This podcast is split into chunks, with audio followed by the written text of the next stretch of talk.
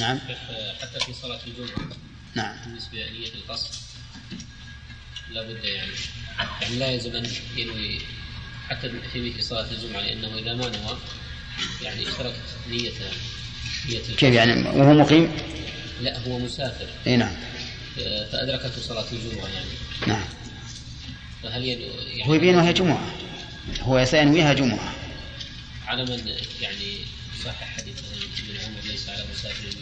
لا على مسافر الجمعة يعني اللي في حال السفر.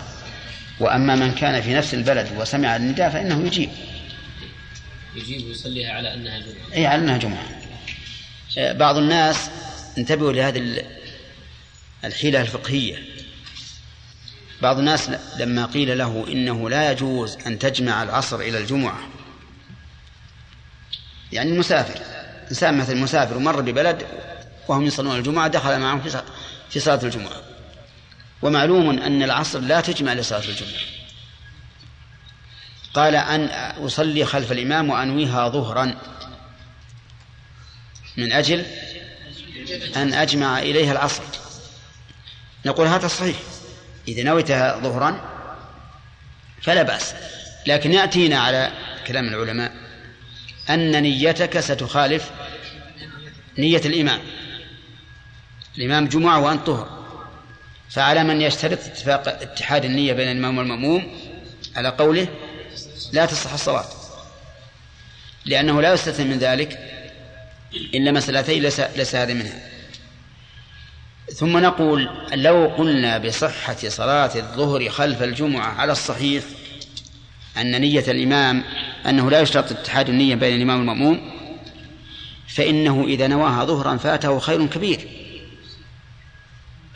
ما هو؟ أجر الجمعة. أجر الجمعة ليس بالأمر السهل. ولهذا حرم أجرها من يتكلم والإمام يخطب. إذا تكلم الإنسان والإمام يخطب يوم الجمعة حرم أجر الجمعة. كما قال الرسول عليه الصلاة والسلام فقد لغوت ومن لغى فلا جمعة له. يعني أنه لا يثاب ثواب الجمعة. فهذه الحيلة يعني لا حيلة حيلة تمشي على رأي بعض الفقهاء لكنه يفوته بذلك أجر الجمعة. فنقول صل الجمعة وسافر استمر في سفرك وإذا جاء وقت العصر صل العصر.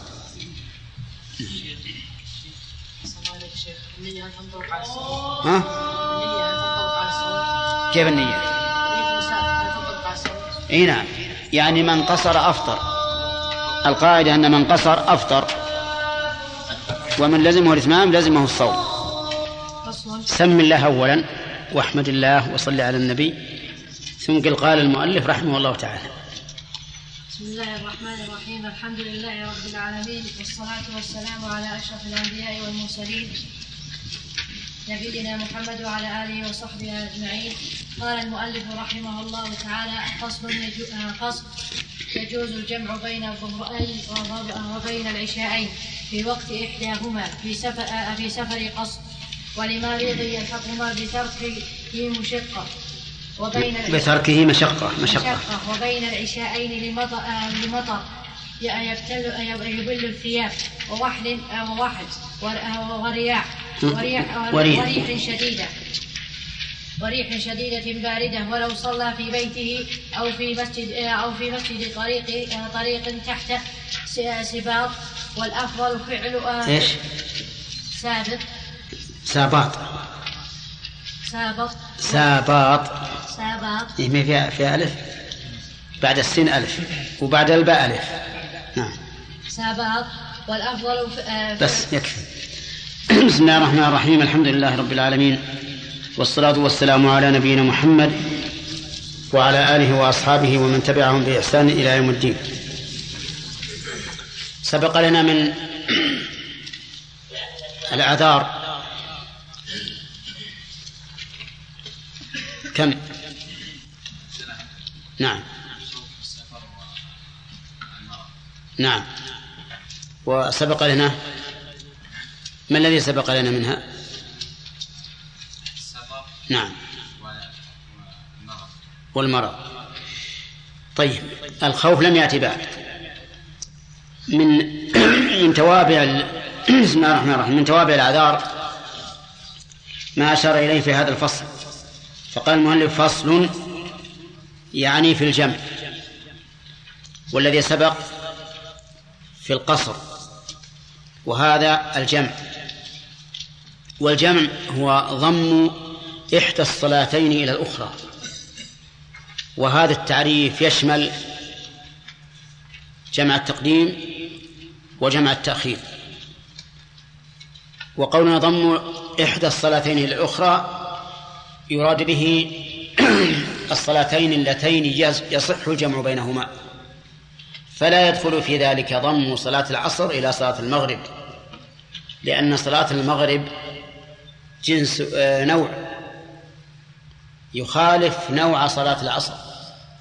فإن صلاة العصر نهارية وصلاة المغرب ليلية. ولا يدخل فيها أيضا ضم صلاة العشاء إلى الفجر. وذلك لأن وقتيهما منفصلا بعضها منفصل بعضهما عن بعض. فالجمع إذن كما قال المؤلف قال يجوز الجمع بين الظهرين وبين العشاءين في وقت إحداهما في سفر قصر. يجوز الجمع. التعبير بكلمة يجوز يحتمل أن مراد المؤلف رحمه الله أنه لا يمنع فيكون المراد بذكر الجواز دفع قول من يقول إنه لا يجوز. فلا ينافي أن يكون مستحبا. هذا احتمال. احتمال آخر أنه يريد بقوله يجوز الإباحة أي أن الجمع مستوي الطرفين وليس بممنوع. ثم هل يستحب أو لا يستحب؟ فيه كلام آخر. وعلى كل حال فالمعروف من المذهب أن الجمع جائز وليس بمستحب بل إن تركه أفضل جائز وليس بمستحب فهو رخصة غير مستحب وتركه أفضل للخلاف في جوازه فإن مذهب أبي حنيفة رحمه الله أنه لا يجوز الجمع إلا بين الظهر والعصر في عرفة وبين المغرب والعشاء في مزدلفة والعلة في ذلك عنده أن هذا من باب النسك وليس من باب العذر وأن الجمع فيهما الجمع بينهما من أجل النسك لا من أجل السفر ولكن قوله ضعيف والصحيح أن الجمع مستحب إذا وجد سببه. لوجهين. الوجه الأول أنه من رخص الله عز وجل والله سبحانه وتعالى يحب أن تؤتى رخصه. الوجه الثاني أن فيه اقتداء برسول الله صلى الله عليه وسلم فإنه كان يجمع عند وجود السبب المبيح للجمع. فيكون في ذلك فيكون الدليل من وجهين. الوجه الأول. ها؟ أنه من رخص الله. كمل. كمل كمل. ها إلى الآن ما بعد انتهى هذا الدليل. اللي جنبه. والله يحب أن تؤتى رخصه. تمام. فهد؟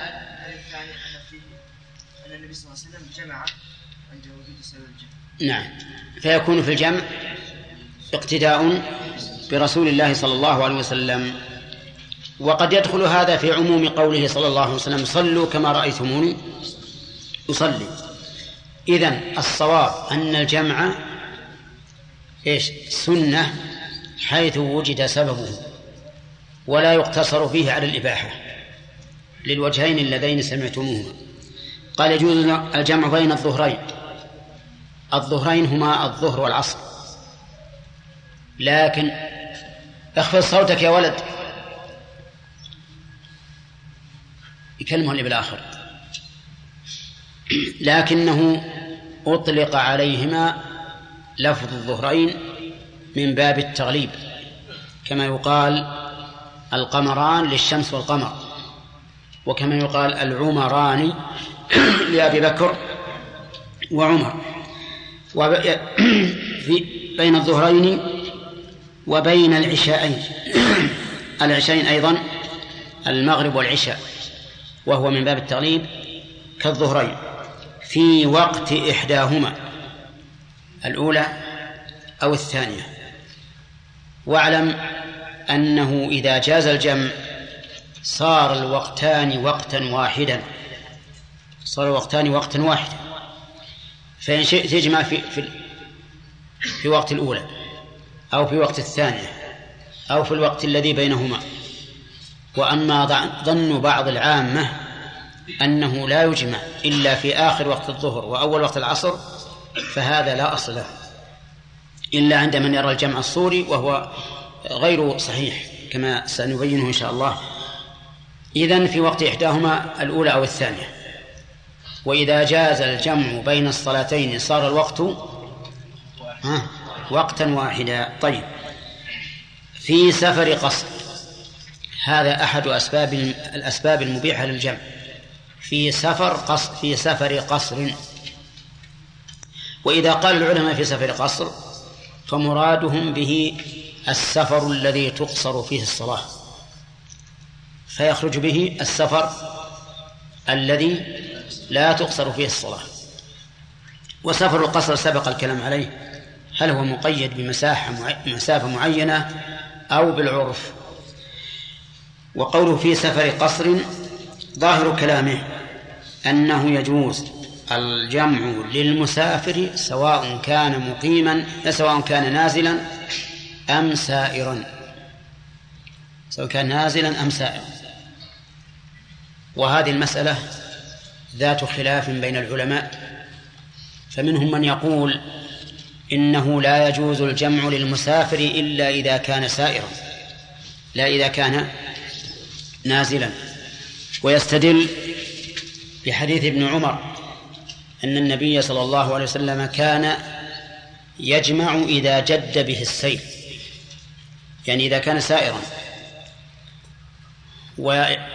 وبأن النبي صلى الله عليه وسلم لم يجمع بين الصلاتين في منى في حجة الوداع لأنه كان نازلا وإلا فلا شك أنه في سفر لأنه يقصر الصلاة. وأورد عليهم أن النبي صلى الله عليه وسلم جمع بين الظهرين في عرفة وهو نازل. وهو نازل. وأجابوا بأن النبي صلى الله عليه وسلم جمع بين الظهرين في عرفة وهو نازل لأن ليدرك الناس صلاة الجماعة. لأن الناس بعد الصلاة سوف يتفرقون في مواقفهم في عرفة ويكون جمعهم بعد ذلك صعبا وشاقا. فأراد النبي عليه الصلاة والسلام أن يجمع بين الظهر والعصر مع أنه نازل من أجل حصول الجماعة. ونظير ذلك أن الناس يجمعون بين المغرب والعشاء في المطر من أجل تحصيل الجماعة. وإلا فبإمكانهم أن يصلوا الصلاة في وقتها في بيوتهم لأنهم معذورون بالوحل. طيب هذا هذا قول. القول الثاني أنه يجوز الجمع للمسافر سواء كان نازلا أم سائرا. واستدلوا لذلك بأن النبي صلى الله عليه وسلم جمع في غزوة تبوك وهو نازل وبأن المسافر في الغالب يشق عليه أن يفرد كل صلاة في وقتها إما للمشقة والعناء وإما لقلة الماء وإما لغير ذلك. واستدلوا أيضا بظاهر حديث أبي جحيفة رضي الله عنه. الثابت في الصحيحين أن النبي صلى الله عليه وسلم كان نازلا في الأبطح في غزو في حجة الوداع وأنه خرج ذات يوم وعليه حلة حمراء. فأما الناس فصلى الظهر ركعتين والعصر ركعتين. قالوا هذا فظاهر هذا أنهما كانتا مجموعتين. واستدلوا أيضا بأن بأنه إذا جاز للمطر ل... نعم إذا جاز للمطر ونحوه فجوازه في السفر من باب أولى. واستدلوا أيضا بعموم حديث ابن عباس أن الرسول جمع بين الظهر والعصر وبين المغرب والعشاء في المدينة من غير خوف ولا سفر. والصحيح أن أن الجمع للمسافر جائز لكنه في حق السائر مستحب. وفي حق النازل إيش؟ جائز غير مستحب. إن, إن جمع فلا بأس وإن ترك فهو أفضل. معنى عبد الرحمن إيش تكتب؟ إذن القول الراجح في مسألة الجمع للمسافر أنه ها؟ سنة في حق السائر وفي حق النازل جائز وليس وليس بالسنة لكن إن فعل لا ينكر عليه. نعم. قال المؤلف رحمه الله في سفر قصر. المسألة. هذه المسألة الأولى. المسألة الثانية قال ولمريض يلحقه بتركه مشقة. ولمريض يعني ويجوز ويباح الجمع أو يجوز الجمع لمريض يلحقه بتركه مشقة. مريض. أي مرض كان؟ سواء كان صداعا في الرأس أو وجعا في الظهر أو في البطن أو في الجلد أو في غير ذلك. أي مريض يلحق بترك الجمع مشقة فإنه يجوز له أن يجمع. دليل ذلك عموم قول الله تعالى يريد الله بكم اليسر ولا يريد بكم العسر. وعموم قوله وما جعل عليكم في الدين من حرج. وحديث وحديث ابن عباس رضي الله عنهما جمع النبي صلى الله عليه وسلم في في المدينة بين الظهر والعصر وبين المغرب والعشاء من غير خوف ولا مطر. من غير خوف ولا مطر. قالوا فإذا كان انتفى الخوف والمطر وهو في المدينة انتفى السفر أيضا لم يبق إلا المرض. وعلى كل حال هذا قد يكون غير حاصل يعني قد يكون هناك عذر غير المرض. ولكن ابن عباس سئل لماذا صنع ذلك؟ قال أراد ألا يحرج أمته أي ألا يلحقها حرجا في عدم الجمع. ومن هنا نأخذ أنه متى لحق المكلف حرج في ترك الجمع؟ إيش؟ جاز له أن يجمع. ولهذا قال المؤلف هنا ولمريض يلحقه بتركه مشقة. وفهم من قول المؤلف يلحقه بتركه مشقة. أنه لو لم يلحقه مشقة فإنه لا يجوز له الجمع. طيب إذا قال قائل مثال المشقة المشقة أن يكون يتأثر بالقيام والقعود إذا تفرق. أو كان مثلا يريد أن ينام مبكرا فأراد أن يقدم العشاء. أو كان يشق عليه أن يتوضأ لكل صلاة. المهم أن المشقات متعددة. فإذا كان يلحقه بترك الجمع مشقة جاز له أن يجمع. نعم. قال المؤلف ويباح الجمع بين العشاءين لمطر يبل الثياب. قوله ويجوز بين العشاءين يعني بين المغرب والعشاء. وأما بين الظهر والعصر فلا يجوز. والدليل أن هذا مراد المؤلف لأنه قال في أول كلام يجوز الجمع بين الظهرين وبين العشاءين.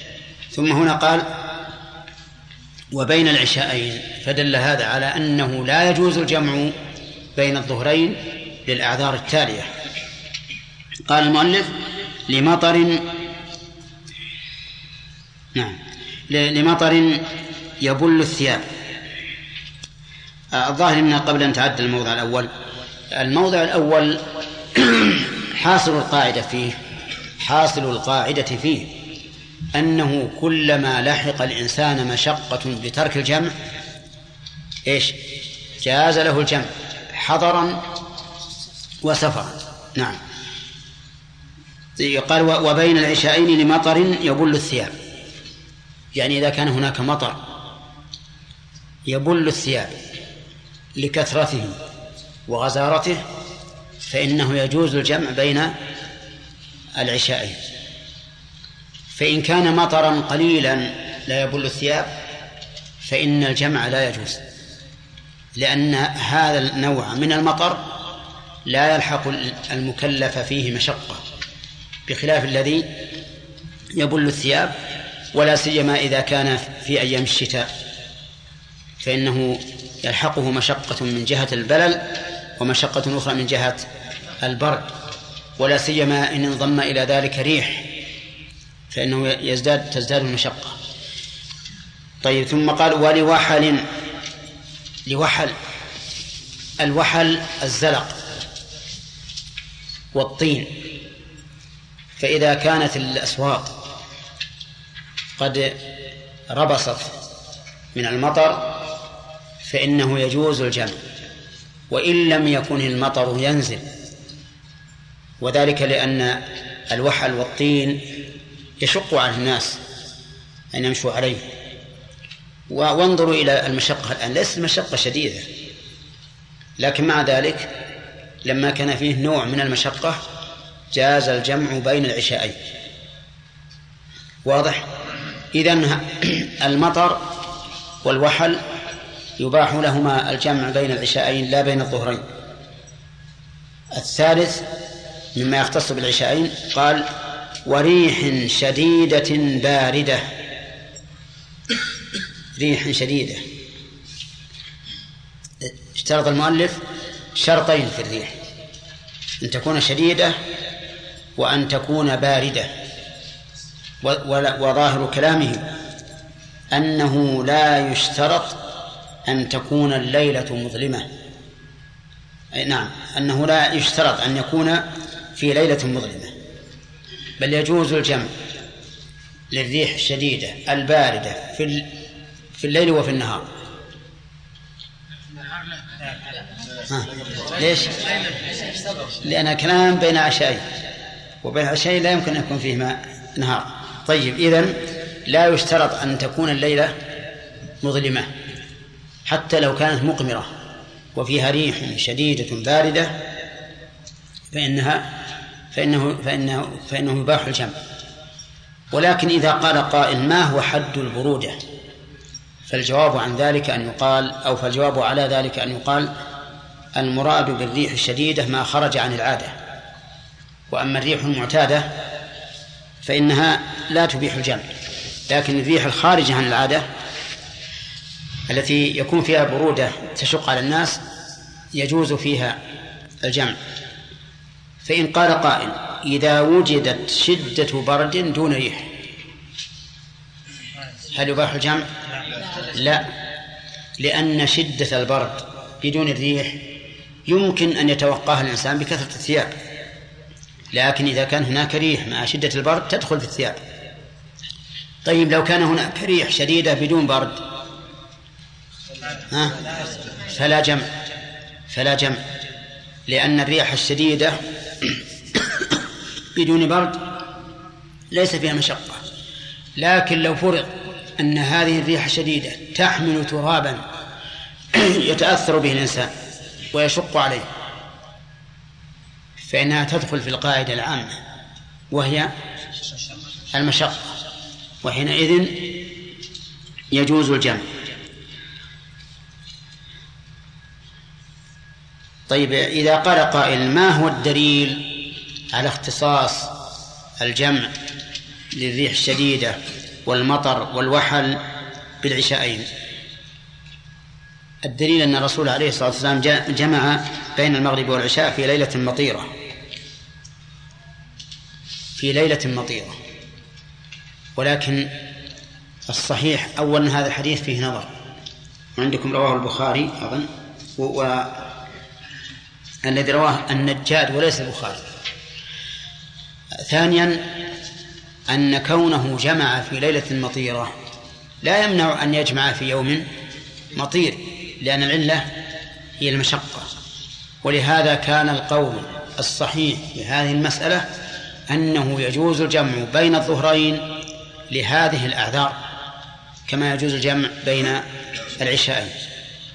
والعلة هي هي المشقة.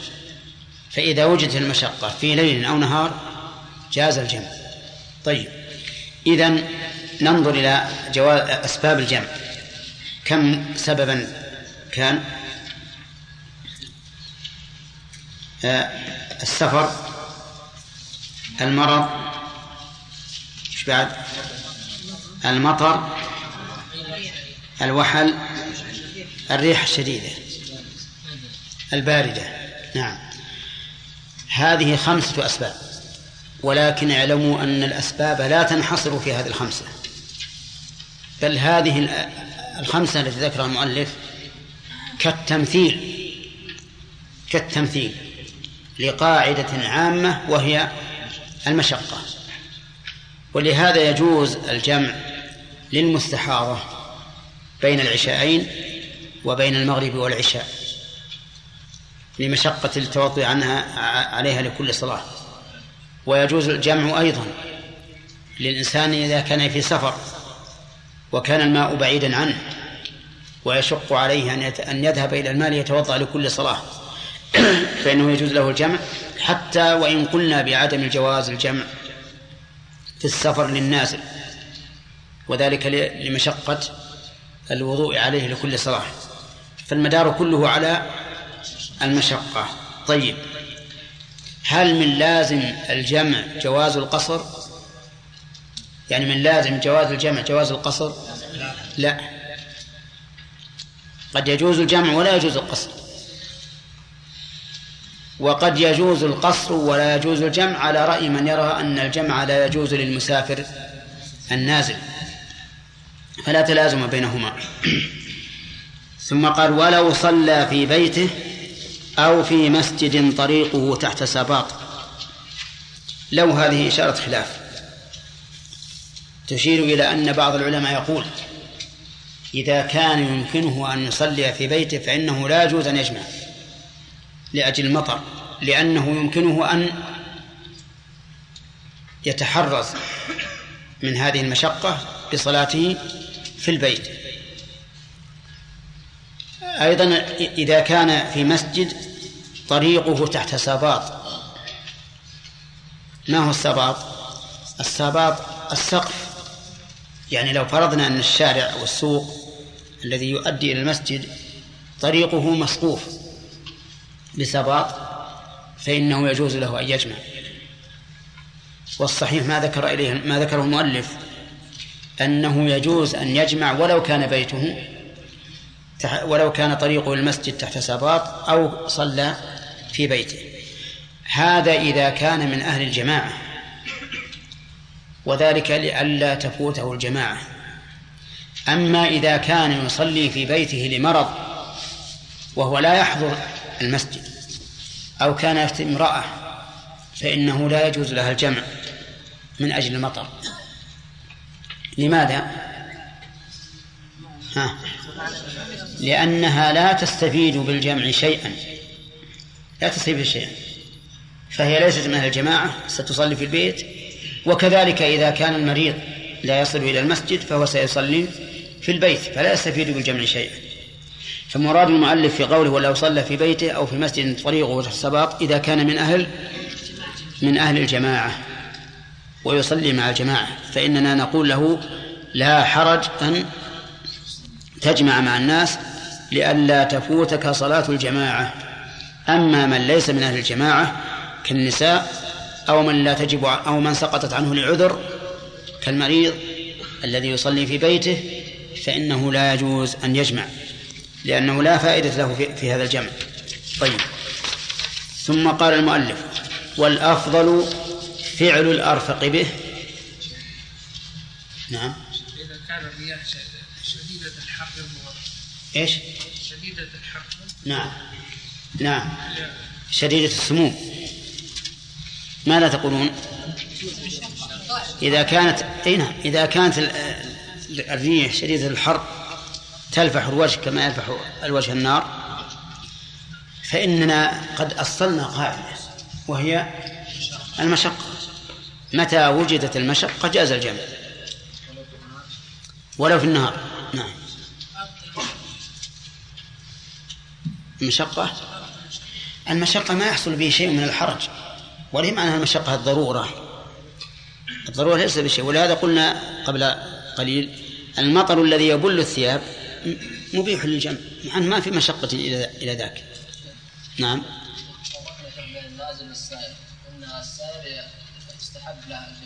نعم.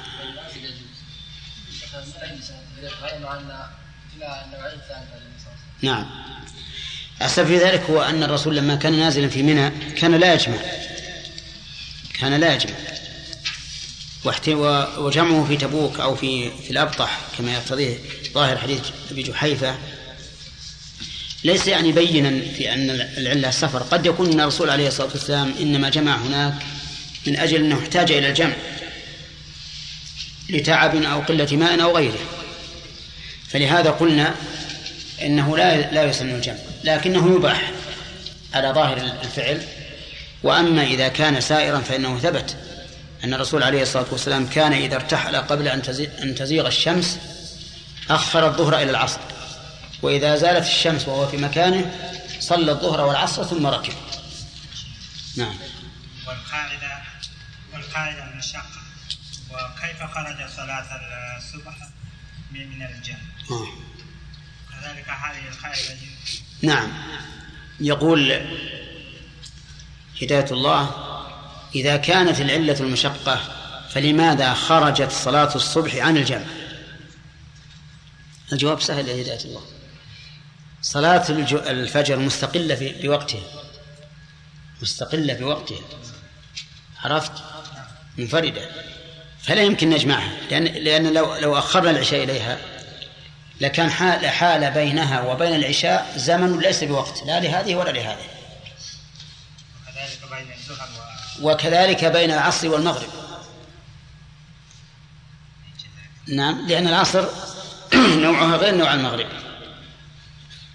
واضح؟ وكذلك بين الظهر والعصر للوقت الذي بينهما وليس وقت لا للفجر ولا للظهر. نعم. بالنسبة للمطر هل تقديم أو تأخير وإذا زال العذر إذا جمع جمع تقديم يعيد ولا يعيد؟ الغالب أن الأرفق في المطر جمع تقديم هذا الغالب. وإذا زال وإذا زال لم لا يعيد. كما أنه لو صلى الصلاة ركع ركعتين ثم قدم البلد لا يعيد. نعم داود. شيخ من أراد أن يسافر قبل أن يدخل العصر آه. فهو يعني يصلي الظهر ثم ينام ثم ينام قبل العصر. يذهب نصف ساعة. هل يجوز له أن يجمع الظهر؟ وهو في بلده وهو في بلده لا.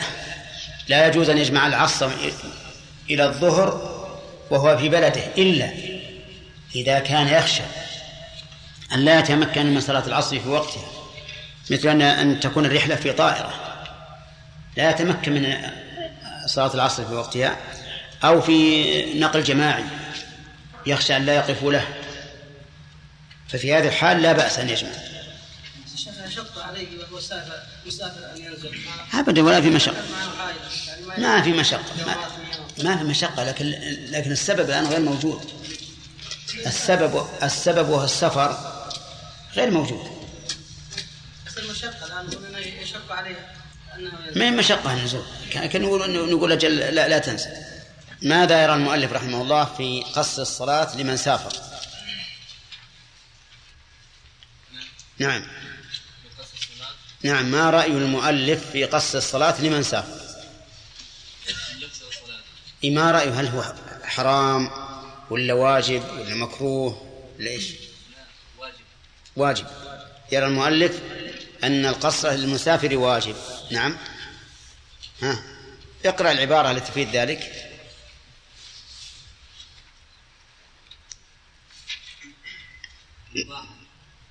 مباح. ليس بواجب. اقرأ العبارة التي تفيد ذلك.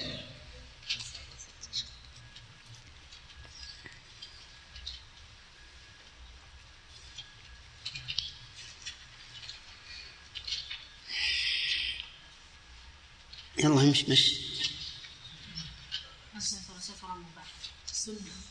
قص- السنة يرى أنه من أين يؤخذ؟ من العبارة تفيد ذلك. أحسنت. من قوله سن له قصر رباعية الركعتين. طيب ما شروط السفر الذي يباح فيه القصر؟ أو ليس. جمال. حدود المسافة يعني نعم. أن أن يكون السفر مباحا؟ أن يكون السفر مباحا. مباحا. طيب من أين تؤخذ من عبارته أربعة أبواب طيب. كم البريد؟ أحمد. كم البريد؟ نعم.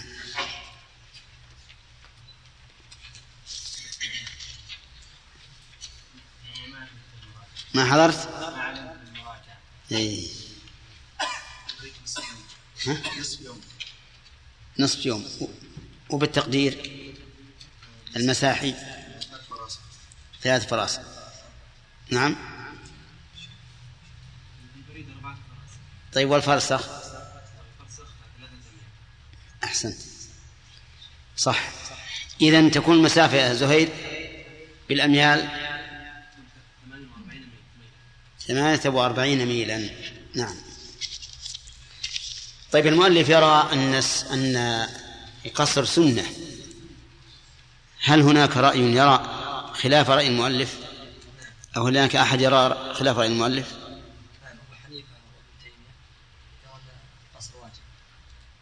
في من يرى أن القصر قصر؟ واجب. طيب ما هو الدليل على هذا القول أو لهذا القول؟ رواه البخاري وغيره حديث عائشة قالت أول ما أول ما فرضت الصلاة ركعتين وقرأت صلاة السفر وزيد في صلاة الحضر ركعتين أول ما فرض وقال من الأصل أن الصلاة ركعتين أول ما فرضت الصلاة ركعتين ثم زيد نعم. وأقرت على الفريضة الأولى. طيب. هذا دليل. دليل آخر. سلامة. قال صلى الله عليه وسلم صلوا كما رأيتموه يصلي. نعم كما أنها بالكيفية تكون أيضا بالكمية وقد كان لا لا, لا يتم الصلاة في السفر. يعني لم يحفظ عنه أنه أتم الصلاة في السفر أبدا. طيب آه ما ما دليل المؤلف؟ بندر؟ ما هو الدليل على آه، ما ما هو الدليل لرأي المؤلف أنه سنة وليس بواجب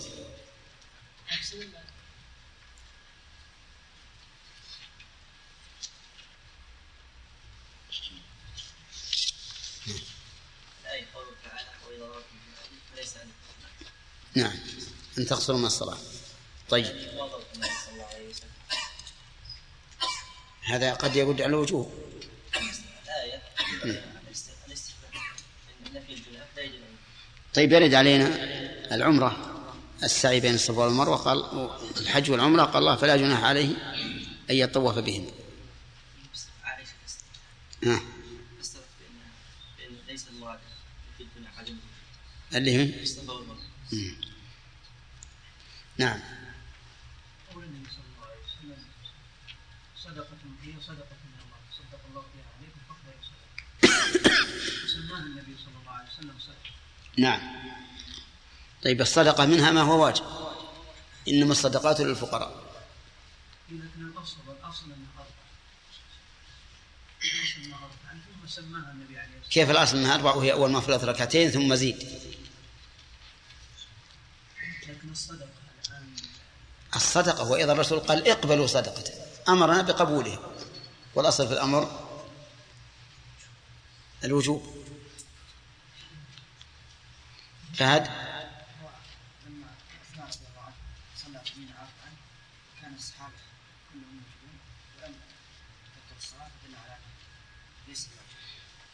يعني الدليل ما هو كالإجماع للصحابة من الإتمام خلف عثمان مع إنكارهم عليه.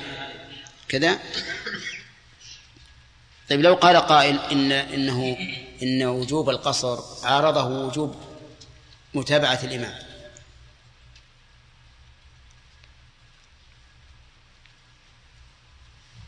فسقط القصر كما سقط التشهد الأول إذا نسيه الإمام وقام.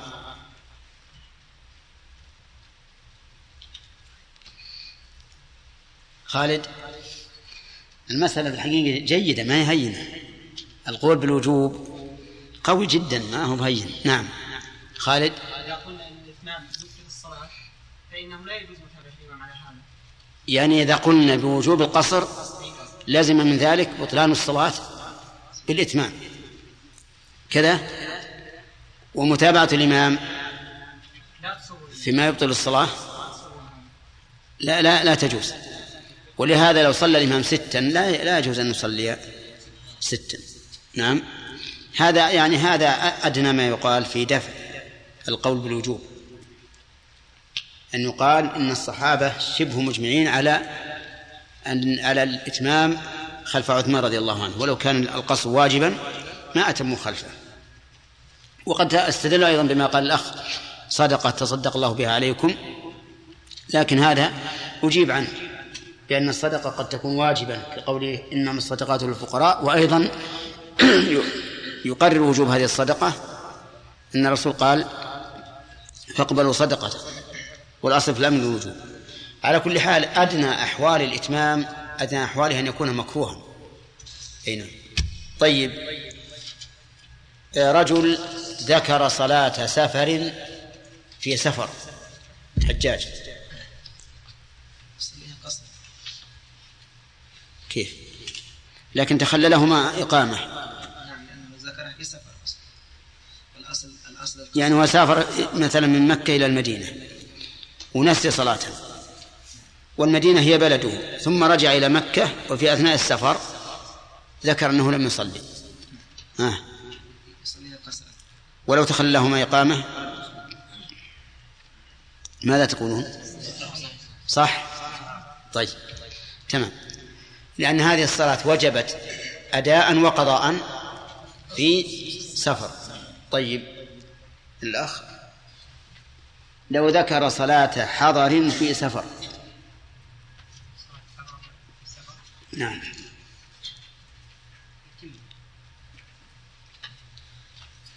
ذكر صلاة حضر في سفر. يتم؟ أي يتم. كيف يتم وهو, ذكرها في السفر؟ لأنها وجبت تام. طيب هل فيه دليل من السنة على هذا؟ نعم.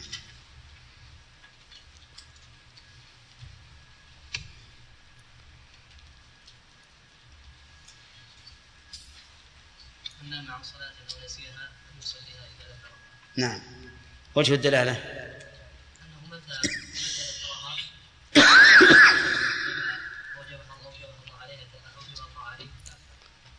نعم. طيب. فليصليها. الضمير يعود على الصلاة المنسية. إذن إن كانت تامة فلزمته تامة وإن كانت مقصورة لزمته مقصورة. طيب. ولهذا لو ذكر صلاة ليل في نهار صلاها جهرية.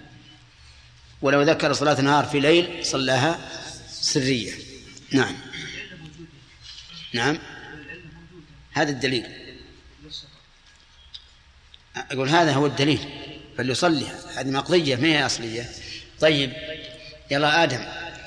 لو ذكر صلاة سفر في حضر.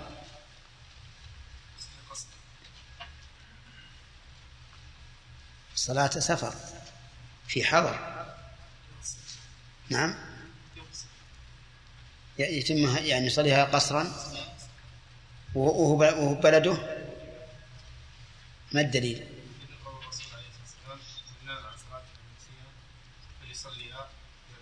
آه. وهذه صلاة وجبت ركعتين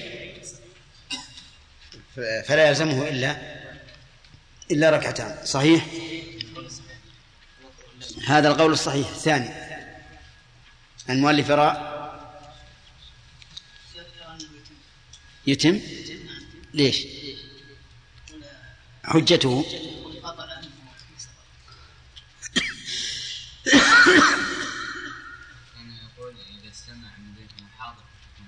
أي. اجتمع مبيح وحاضر فغلب جانب الحظر تمام.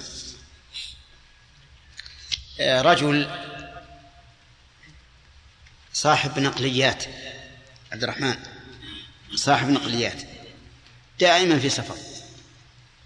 هل يقصر أو لا يقصر؟ يقصر ترى دائما في سفر. من مكة إلى المدينة إلى الرياض إلى الدمام. نعم. لأنه فارق عابر قريته. عامر قريته. فيقصر؟ والحديث عام. والآية عامة. وإذا ضربتم في الأرض فما داموا ضاربين في الأرض فإنهم يقصرون. طيب. صاحب سفن الأخ. صاحب سفينة دائما في البحر من ميناء إلى ميناء.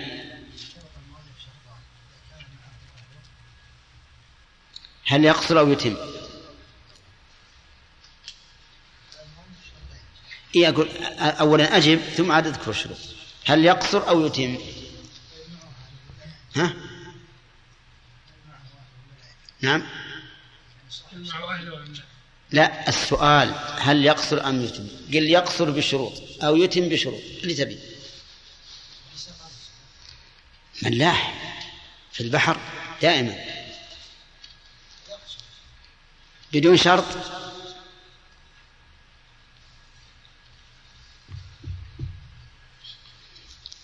نعم عبد الله. اسمه عبد الله ولا خالد؟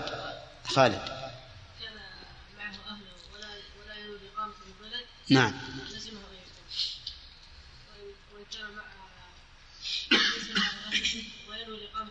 يقصر نعم تمام. صح. إذا كان معه أهله ولا ينوي الإقامة بالبلد لزمه أن يتم لأنه أصبح أصبح بلده إيش؟ سفينته. تمام. طيب. هل الجمع سنة أو واجب؟ أم ماذا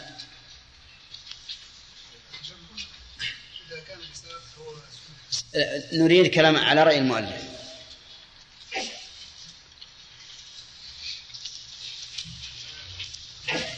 ها؟ جائز. ليس بسنة ولا واجب ولا مكروه ولا حرام.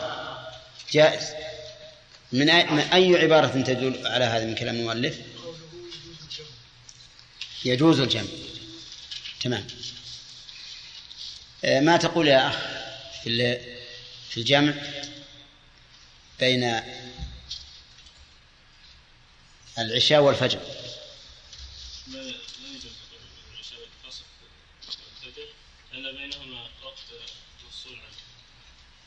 لانفصالها في الوقت عن ال... عن العشاء. ما الذي فصلهما؟ الوقت الذي نصف الليل إلى طلوع أحسنت. طيب. آه، الجمع بين المغرب وال... والعصر. لماذا يعني اختلاف الجنس. العصر نهارية وهذه ليلية. ولا في الوقت بينهما متصل. طيب تمام. ما هو القول الراجح في القصر؟ سامي سنة. مطلقا؟ لا سنة للجد في السيد إذا جد في السير طيب. وإن كان لم يجد به السير فهو فهو جائز ولكن تركه أفضل. تمام. بسم الله الرحمن الرحيم. نأخذ درس الجديد إن شاء الله. قال المؤلف رحمه الله والأفضل فعل الأرفق به من تأخير وتقديم. الأفضل أي لمن يباح له الجمع. فعل الأرفق به من تأخير وتقديم. فإن كان التأخير أفضل أرفق فليؤخر. وإن كان التقديم أرفق فليقدم هذا هو الأفضل. ودليل هذا قوله تعالى يريد الله بكم اليسر ولا يريد بكم العسر. وقول النبي صلى الله عليه وسلم إن هذا الدين يسر. طيب ولأن الجمع هذا هذا دليل. ولأن الجمع إنما شرع رفقا بالمكلف فما كان أرفق به فهو أفضل. فصار لدينا دليلان من الكتاب والسنة وهذان دليلان أثريان. والثالث دليل نظري وهو أن الجمع إنما شرع رفقا بالمكلف فما كان أرفق فهو أفضل. طيب. وسنة الرسول عليه الصلاة والسلام تدل على هذا. فإنه صلى الله عليه وسلم كان إذا ارتحل قبل أن تزيغ الشمس أخر الظهر إلى العصر. وإذا ارتحل بعد أن تزيغ الشمس صلى الظهر والعصر ثم ركب. واضح؟ طيب. وكذلك في المريض. لو كان الأرفق به أن يقدم صلاة العشاء مع المغرب قلنا هذا أفضل. ولو كان بالعكس أن يؤخر المغرب إلى العشاء قلنا هذا أفضل. طيب الجمع في المطر هل الأفضل التقديم أو التأخير؟ لماذا؟ لأنه أرفق أرفق بالناس. ولهذا نجد الناس كلهم في المطر لا يجمعون إلا جمع تقديم. طيب. يقول أفضل فعل أرفق به من تأخير وتقديم. واعلم أن كلام المؤلف هنا لا يعني أنه لا أنه إذا إذا جاز الجمع فلا بد أن يكون تقديما أو تأخيرا. بل إذا جاز الجمع صار الوقتان وقتا واحدا. صار الوقتان وقتا واحدا فيجوز أن تصلي المجموعتين أن تصلي المجموعتين في أول في وقت الأولى أو في وقت الثانية أو فيما بين ذلك. وأما ظن العامة أن الجمع لا يجوز إلا في وقت الأولى أو وقت الثانية فهذا لا أصل له. لأنه متى أبيح الجمع صار الوقت وقتا واحدا قال فإن جمع في وقت الأولى. نعم. الأفضل فعل الأرفق به من تأخير وتقديم. استثنى بعض العلماء قال إلا جمع عرفة فالأفضل التقديم. أو مزدلفة فالأفضل التأخير. عرفتم؟ ولكن هذا لا وجه له لا وجه له. لأن جمع عرفة تقديما أرفق بالناس من الجمع تأخيرا. لأن الناس لا يمكن أن يحبسوا إلى وقت العصر مجتمعين وهم يريدون أن يتفرقوا في مواقفهم ويدعون الله. فالأرفق بهم بلا شك إيش؟ التقديم. أما في مزدلفة فالأرفق التأخير. لأن إيقاف الناس في أثناء الطريق وهم في سيرهم إلى مزدلفة فيه مشقة. فالأرفق إذن هو التأخير وعلى هذا فإنه لا وجه للاستثناء. فإن قال قائل إذا تساوى الأمران عند الإنسان أي التقديم أو التأخير فأيهما أفضل؟ قالوا الأفضل التأخير. الأفضل التأخير. لأن التأخير غاية ما فيه تأخير وقت الأولى. تأخير الأولى عن وقتها. والصلاة بعد وقتها جائزة مجزئة. وأما التقديم ففيه صلاة الصلاة الثانية قبل دخول وقتها. والصلاة قبل دخول الوقت لا تصح ولو جهلا. على كل حال يقول العلماء هذا يقول العلماء ما سمعتم. إذا استويا في الأرفقية أجيب. فالأفضل التأخير. نعم. فإن جمع في وقت الأولى اشترط نية الجمع عند إحرامها ولا يفرق بينهما إلا بمقدار إقامة ووضوء خفيف وأن يكون العذر موجودا عند افتتاحهما وسلام الأولى. إذا جمع في وقت الأولى اشترط ثلاثة شروط. الشرط الأول نية الجمع عند إحرامها. نية الجمع عند إحرامها. وهذا مبني على اشتراط نية القصر للمسافر. يقول لأن الجمع ضم إحدى الصلاتين إلى الأخرى. فلا بد أن تكون نية الضم مشتملة على جميع أجزاء الصلاة. فلا بد أن ينوي عند إحرام الأولى. فلو فرض أنه دخل في الأولى وهو لا ينوي الجمع ثم في أثناء الصلاة بدا له أن يجمع. فإن الجمع لا يصح. لماذا؟ لأنه لم ينوه عند إحرامها عند إحرام الأولى. فخلا جزء منها عن نية الجمع. والجمع هو الضم ولا بد أن تكون أن يكون الضم مشتملا لجميع الصلاة. طيب لو أنه سلم من الأولى ثم نوى الجمع. ها؟ يجمع؟ لا يجمع. من باب أولى. لماذا؟ لأنه لم ينوه عند إحرام الأولى. هذا ما ما ما رآه المؤلف رحمه الله. والصحيح أنه لا يشترط. لا يشترط نية الجمع عند الأولى. الذي يشترط هو وجود السبب الجمع. وجود سبب الجمع.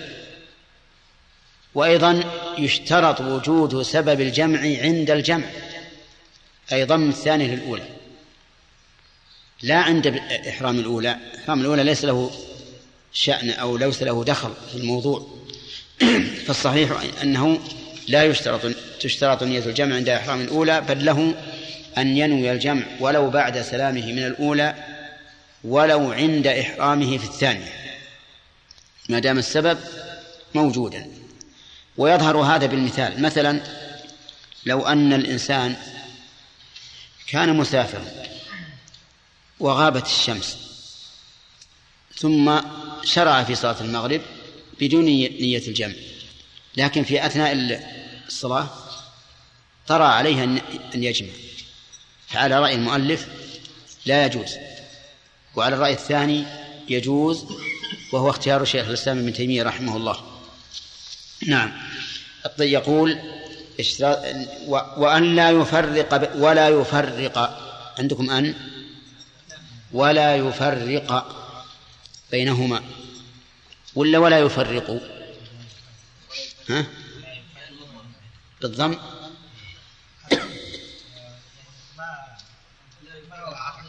معربة عندكم؟ معربة؟ ها. بالضم. لا الصواب النصب. ولا يفرق بينهما. لأنها على تقدير أن. يعني وأن لا يفرق معطوفا على مصدر صريح وهو قوله نية الجمع. والفعل المضارع إذا عطف على مصدر صريح فإنه ينصب بأن مضمرة. ومنه قول الشاعر ولبس عباءة وتقر عيني أحب إلي من لبس الشفوف. لبس عباءة وتقر أي وأن تقر عيني وتقول زيارتي زيدا ويكرمني أحب إلي من التأخر عنها. زيارة زيد ويكرمني أي وأن يكرمني. نعم طيب إذن ولا يفرق يعني ويشترط أن لا يفرق بينهما أي بين المجموعتين. ونحن الآن في جمع التقديم. إلا بمقدار إقامة ووضوء خفيف. إلا بمقدار إقامة ووضوء خفيف. خلاصة هذا الشرط الموالاة بين الصلاتين. يعني أن تكون الصلاتان متواليتين لا يفصل بينهما. إلا بشيء يسير إلا بمقدار إقامة لأن الإقامة الثانية لا بد منها ولو حصل الفصل ووضوء خفيف لأن الإنسان ربما يحتاج إلى الوضوء بين الصلاتين فسومح في ذلك. قال ويبطل براتبة بينهما يبطل يعني أي الجمع براتبة أي بصلاة راتبة بينهما بين إيش؟ بين الصلاة الأولى والثانية.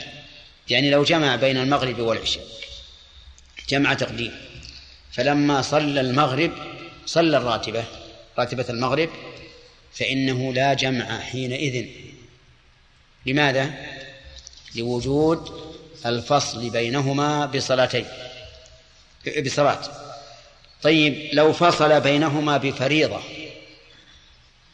لو فصل بينهما بفريضة. ها؟ يمكن. بعد أن سلم من المغرب ذكر أنه صلى العصر بلا وضوء. فصلى العصر.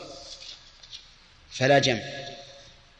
لأنه إذا بطل الجمع بالراتبة التابعة للصلاة المجموعة فبطلانه بصلاة أجنبية من باب أولى. طيب. لو صلى الراتبة لو صلى تطوعا غير راتبة. لو صلى تطوعا غير راتبة؟ من باب أولى. لأنه إذا بطل بالراتبة التابعة للمجموعة فما كان أجنبيا عنها ولا ليس تابعا لها فهو من باب أولى. طيب. يبطل براتبة بينهما. طيب. هذا الشرط أيضا فيه خلاف بين العلماء. واختار شيخ الإسلام ابن تيمية أنه لا تشترط الموالاة بين المجموعتين. وقال إن معنى الجمع هو الضم في الوقت أي ضم وقت الثانية للأولى بحيث يكون الوقتان وقتا واحدا. وليس ضم الفعل ليس ضم الفعل. و وعلى هذا على رأي شيخ الإسلام لو أن الرجل صلى الظهر وهو مسافر بدون أن ينوي الجمع. ثم بدا له أن أن يمشي.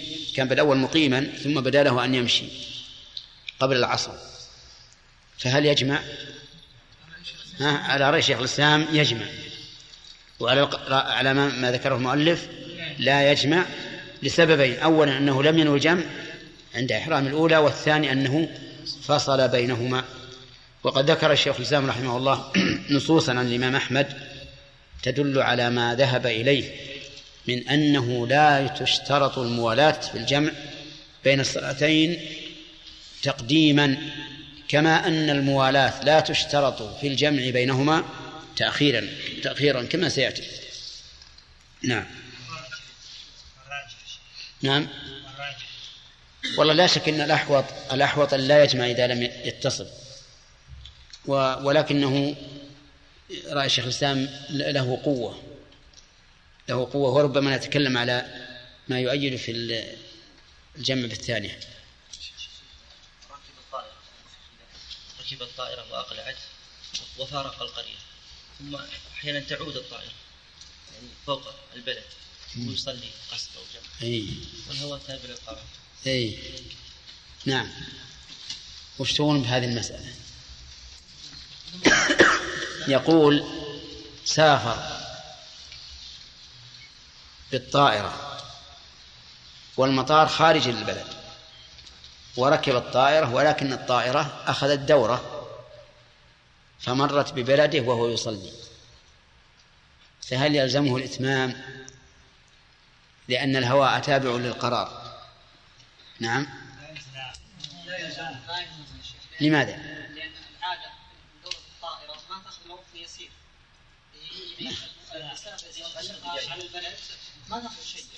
على كل حال ما يخالف خلى لا تأخذ إلا شيء يسير لكن هو مر ببلده. ما يمكن من المطار إي نعم. طيب. لكن ربما ربما إنه الطيار وده يتفرج على ديرته يمكن يمكن قائد الطائرة هذا بلد وده يتفرج عليه. هذا عام إذا فارق عامر قرية يعني سواء كان فوقية ولا سواء كان جنبية. فارق. فارق. يعني هذا هذا المرور مرورا غير مستقر ها؟ فارق. فارق. سواء كان فوقا ولا يقبل وليس هذا مسألة. إيه لكن بس سامي يقول إن القرار إن الهوى تابع للقرار. هذه قاعدة مطرد عن فقه ها؟ في الملكية. إيه. ليس في يعني معناه لو, لو مريت في المطار في الطيارة فوق الميقات وأنا أريد الإحرام نقول لا تحرم؟ إيه نعم. لا. لا. تحرم. تحرم. اللي يظهر لي أنه لازم هو الإتمام. اللي يظهر أنه لازم لأن هذا المرور مرور سفر عابر. ما هو مرور استقرار وانتهاء سفر. الظاهر أنه إن هذا يتبع. ثم أن المدة في الغالب تكون وجيزة. أي نعم. نعم. إيه، نعم. يستقبل. هذا مرور عبور.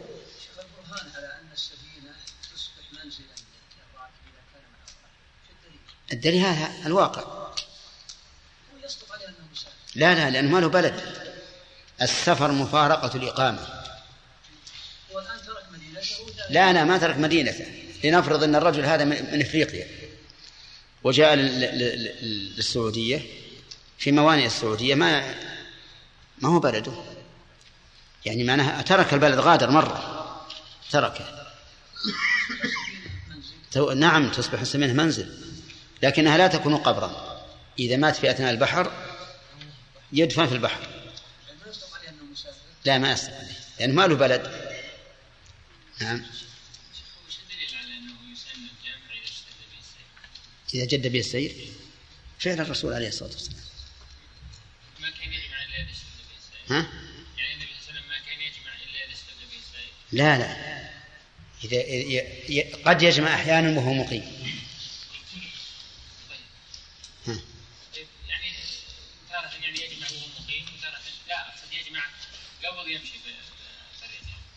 من المدينة يعني؟ ما ما ورد هذا. ما ورد. يعني. ما جمع إلا وهو في السير لكن جمع وهو مقيم في مكة في حجة الوداع كما هو ظاهر حديث أبي جحيفة. وجمع أيضا في تبوك كما في حديث أظن معاذ بن جبل أو جابر نسيت. نعم؟ نعم قلنا قاعدة أن النبي صلى الله عليه وسلم آه، قلنا في في الجمع أنه إذا شق عدم الجمع جاز الجمع سواء كان حاضرا أو مسافرا نعم. لكن النبي صلى الله عليه وسلم في حديث ابن عباس رضي الله تعالى عنهما قال جمع النبي صلى الله عليه وسلم في المدينة من غير خوف ولا مطر. نعم. يعني ما في أي مشقة على النبي صلى الله عليه وسلم. فهل يجوز مثلا الجمع بدون أي مشقة؟ لكن فسر ابن عباس هذا. لما سئل قال أراد أن لا يحرج أمته. وفهم الصحابي أصح من فهمه. يعني ظاهر الحديث من سفر من غير شيء. لكن كونه يقول من غير خوف ولا مطر هذا إشارة إلى العلة. لو قال جمع من غير شيء كان نقول ربما يدل على أنه لا لا يجوز الجمع بدون مشقة. لكن لما أشار إلى شيء تكون به المشقة غالبا وهو الخوف المطر علم أنه أن أنه جمع لشيء آخر فيه مشقة. في ترك الجمع فيه مشقة. نعم سليم.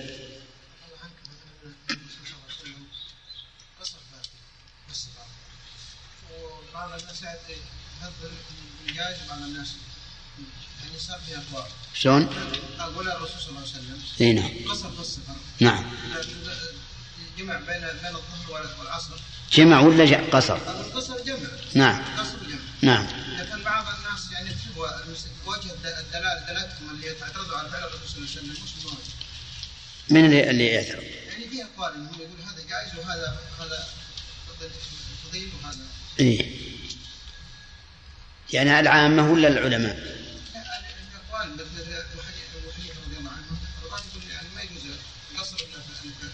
لا أيوه يقول ما يجوز الجمع. ولا القصر يرى أنه واجب أبو حنيفة يرى أنه واجب. لكن يقول لا يجوز الجمع إلا في عرفة ومزدلفة فقط. ويحمل الأحاديث يحمل الأحاديث الواردة في الجمع في غير عرفة ومزدلفة على أن الجمع جمع صوري. تعرف الجمع الصوري؟ أنه تكون الأولى في آخر وقتها والثانية في أول وقتها. ونحن نقول إن هذا دفاع بغير سلاح. يستعمله بعض العلماء عند عند المضايق. إذا ضيق عليه قال آه، المراد كذا وكذا. ولا هذا الذي ذهب إليه جمع الصوري. هذا لا لا يمكن. لا يمكن الجمع الصوري. في عهد الرسول عليه الصلاة والسلام لا يمكن. لماذا؟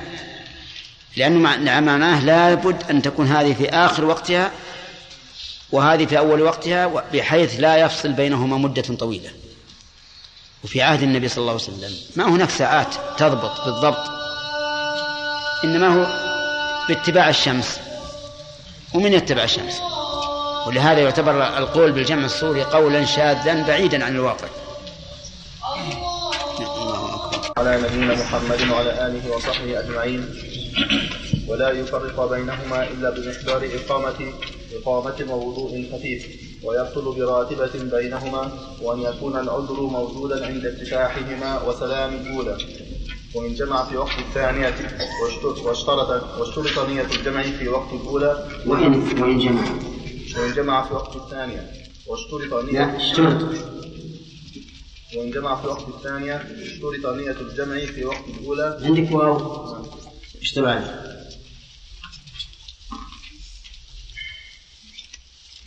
وإن جمع في وقت الثانية. اشترط نية الجمع في وقت الأولى. إن لم يضق فعلها واستمرار إن لم يضق فعلها. عن. عن فعلها إن لم يضق عن فعلها واستمرار واستمرار العذر واستمرار. واستمرار العذر إلى دخول وقت الثانية. بسم الله الرحمن الرحيم. الحمد لله رب العالمين والصلاة والسلام على نبينا محمد وعلى آله وأصحابه ومن تبعهم بإحسان إلى يوم الدين. ما حكم الجمع عند وجود سببه؟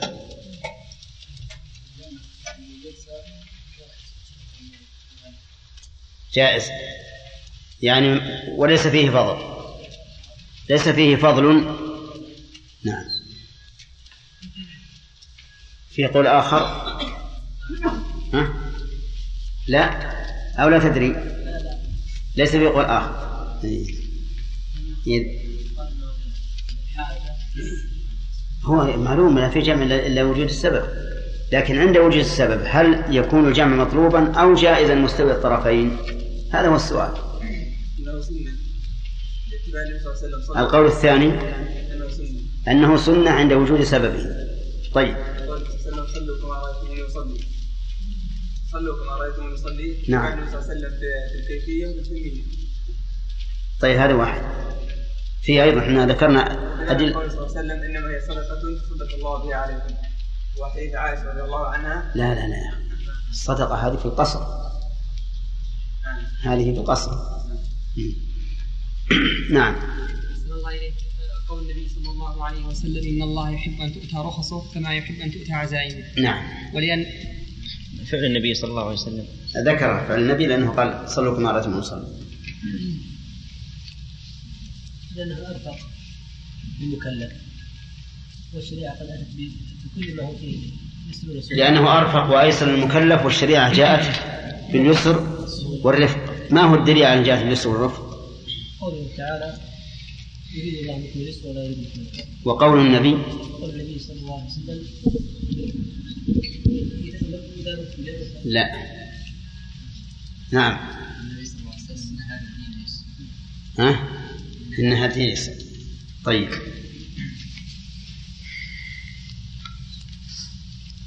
ما هو الأفضل يا هداية الله؟ جمع التقديم أو جمع التأخير؟ ها؟ يعني الأفضل الأرفع سواء جمع تقديم أو جمع تأخير. طيب ما هو الدليل على أن هذا هو الأفضل؟ نعم. أي طيب صح. فيه وفيه دليل من فعل الرسول صلى الله عليه وسلم. إذا وقد دخل الوقت ركع نعم. واذا لم يدخل الوقت ارتحل فإذا دخل الوقت الثاني صلى. إذا ارتحل قبل أن تزيغ الشمس؟ لا قبل أن تزيغ. لا قبل تزيغ الشمس ارتحل ثم أخر. وإن كان قبل صلى ثم ركع إذا الدليل قول وفعل الجمع للمطر أيما أرفق. التقديم أو التأخير تقديم تقديم لأن عادة الناس إذا جاءت المطر صلى التقديم المغرب والعشاء والعادة هي تحكم على الشرع. وهذه هي الأرفق كان الناس مجتمعين للمغرب ونزل المطر هذه عند الوجع من السبب. السبب هو المطر. أي لكن بس. وإذا تفرقوا يصعب عليهم إيه. طيب على كل حال لا شك أن أرفق في جمع المطر في بين المغرب والعشاء بين المغرب والعشاء. هو التقديم لأن الناس يأتون المغرب وفي عهد العلماء رحمهم الله لم يكن هناك كهرباء تنير الأسواق. نعم. الظهر والعصر على المذهب ما يرد لأنه ما في جمع المطر لكن على القول الراجح قد يكون الأرفق التقديم وقد يكون التأخير حسب الحال. طيب اشترط المؤلف يقول إنه اشترط لل- للجمع شروط. آه، الشرط الأول لم يذكره لوضوحه. ولا أدري هل ذكرته لكم أم لا. وهو الترتيب. أن يبدأ بالأولى قبل الثانية. أن يبدأ بالأولى قبل الثانية. فبين الظهر والعصر يبدأ بإيش؟ وبين المغرب والعشاء وبين العصر والمغرب. ما في جمع. نعم. طيب. الثاني إذا جمع يقول في وقت الأولى يشترط له ثلاث شروط. هذا مدة الدرس أخذنا. طيب. نعم. يلا بندر. إذا جمع في وقت الأولى اشترط له ها؟ أي شرطان ولا؟ نعم. نعم.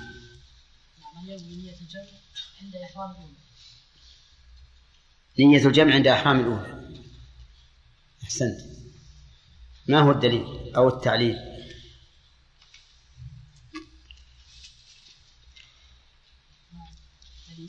إيه؟ أو التعليل؟ قد لا يكون في المسألة دليل لكن فيها تعليل والتعليل قد يقبل وقد لا يرفض. فهد؟ لأن هذه عبادة ضم عبادة إلى عبادة. لأن الجمع. لأن الجمع ضم عبادة إلى نية. إلى نية الضم في جميع العباد في جميع أجزاء العبادتين. كذا؟ طيب. ماذا تقول يا أحمد؟ هل هذا الشرط مسلم؟ لسلامة علته أو غير مسلم لعدم سلامة علته.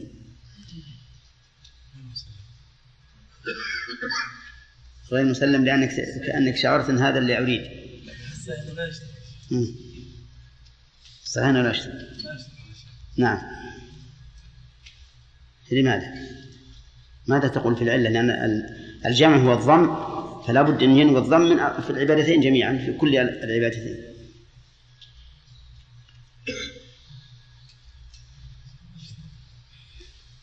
نعم يا سلام. نعم. لأن المراد بالجمع ضم الصلاة إلى الصلاة في الوقت. إذا وجد سبب السبب المبيح. يعني إذا لا نسلم التعليل الذي قال المؤلف. طيب هذه واحد الشرط الثاني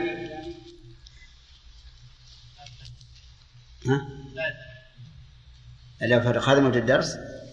قرأنا. أخذناه ما حضرت. طيب. لا يفرق بينهما. إذا نعبر عن هذا بالموالاة. الموالاة. وهو أن لا يفرق بينهما بزمن طويل. كذا؟ طيب. ما هو عبد الله؟ التفريق الذي ال- المعفو عنه. المعفو عنه إقامة مقدار الإقامة لأن الصلاة الثانية تحتاج إلى إقامة والأمر الصحيح لأنه قد يحتاج هذا على قول المؤلف نعم أحسنت. ما تقول فيما لو جمع بين المغرب والعشاء وصلى الراتب بينهما. جمع, جمع تقديم وصلى الراتب بينهما. على قول المؤلف لا يصح الجمع. لوجود التفريق بينهما لوجود التفريق بينهما. أحسنت. طيب. آه، فرق بينهما بنفل مطلق. الأخ. نعم. أي نعم. فرق بينهما بنفل مطلق. غير راتب. ها؟ غير راتب. غير راتب. أي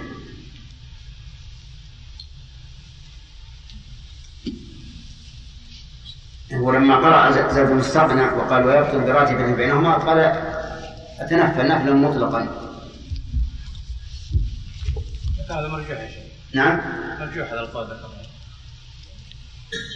المهم سؤالي هل يصح الجمع أو لا؟ هذا القول لا يصح له يقول براتبه. كيف على قول يقول براتبه خاصة بالراتب اصبر يا جماعة ترى ترى تعطونا نصف الجواب إذا قلت هكذا ما عندك علم؟ طيب. إي نعم. يعني إذا بطل بالراتبة مع أنها تابعة للصلاة فغيرها من باب أولى. وإنما ذكر الراتبة لأن بعض العلماء قال إنه لا يبطل بالراتبة بينهما لأن الراتبة تبع للصلاة السابقة. تبع تبع للصلاة السابقة. عرفتم؟ إذا فقول المؤلف يبطل براتبة نقول ما سواها من باب من باب أولى القول الثاني حكينا لكم القول الثاني. وسنذكر بس خلينا نكمل الشروط الثلاثة طيب. الثالث هذا مبتدأ الدرس. بسم الله الرحمن الرحيم. قال المؤلف في ابتداء درس الليلة الثالث أن يكون العذر موجودا عند افتتاحهما وسلام الأولى.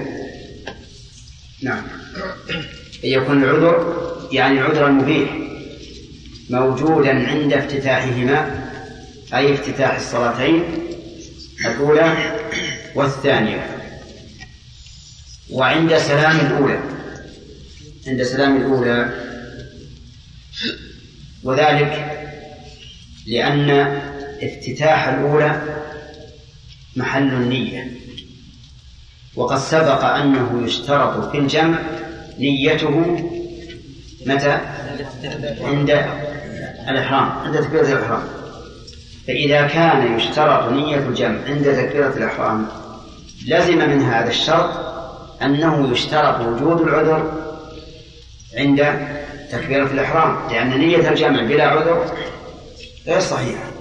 لا يمكن أن تصح نية الجمع إلا إذا وجد العذر فإذا قلنا إنه لابد من نية الجمع عند افتتاح عند تكبيرة الإحرام صار لابد أيضا من إيش؟ من وجود العذر عند تكبيرة الإحرام واضح يا جماعة؟ إذا هذا الشرط مبني على إيش؟ على الشرط الأول الذي هو نية الجمع عند افتتاح الصلاة الأولى ووجه ذلك وجه كونه مبنيا عليه أنه لا يمكن أن تصح نية الجمع إلا إذا وجد العذر المبيح للجمع. وحينئذ يكون هذا الشرط مبنيا على الشرط الأول. وقد علمتم أن القول الصحيح في الشرط الأول إلغاؤه وأنه يشترط وجود العذر عند السلام من الأولى. فلو لم ينزل المطر مثلا إلا في أثناء الصلاة فإنه يصح الجمع على الصحيح. بل لو لم ينزل إلا بعد تمام الصلاة الأولى يعني كانت السماء مغيمة والبرق والرعد ولكن لم ينزل المطر. بعد أن سلمنا من الصلاة الأولى نزل المطر فالصحيح أن الجمع جائز. بناء على هذا القول الراجح يكون اشتراط نية الجمع عند تكبيرة الإحرام في الأولى إيش؟ لاغية غير غير شرط واضح؟ طيب إذا القول الراجح أنه لا يشترط الشرط الأول ولا يشترط الشرط الثالث وش بقينا؟ بقينا في الشرط الثاني بقينا في الشرط الثاني وهو الموالاة أن لا يفرق بينهما وهذا كما سبقت الإشارة إليه فيه خلاف أيضا فشيخ الإسلام ابن تيمية يرى أنه لا تشترط الموالاة. وذلك لأن العذر المبيح للجمع إذا وجد جعل الوقتين وقتا واحدا فاندمج وقت الثانية في وقت الأولى. وصار الإنسان إذا فعل الأولى في أول الوقت والثاني في آخر الوقت فلا بأس. وبناء على هذا القول تكون جميع الشروط هذه لاغية أهم شيء أن يوجد العذر. فإذا وجد العذر جاز الجمع سواء كان العذر مرضا أو سفرا أو مطرا أو ريحا شديدة باردة أو غير ذلك. طيب في الشرط الشرط الرابع الذي ذكرناه ونبهنا عليه الليلة هذه وهو الترتيب. الترتيب. يشترط الترتيب. بأن يبدأ بالأولى ثم بالثانية.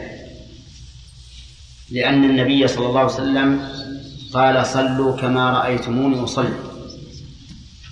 ولأن الشرع جاء بترتيب الأوقات في الصلوات فوجب أن تكون كل صلاة في المحل الذي رتبها الشارع فيه.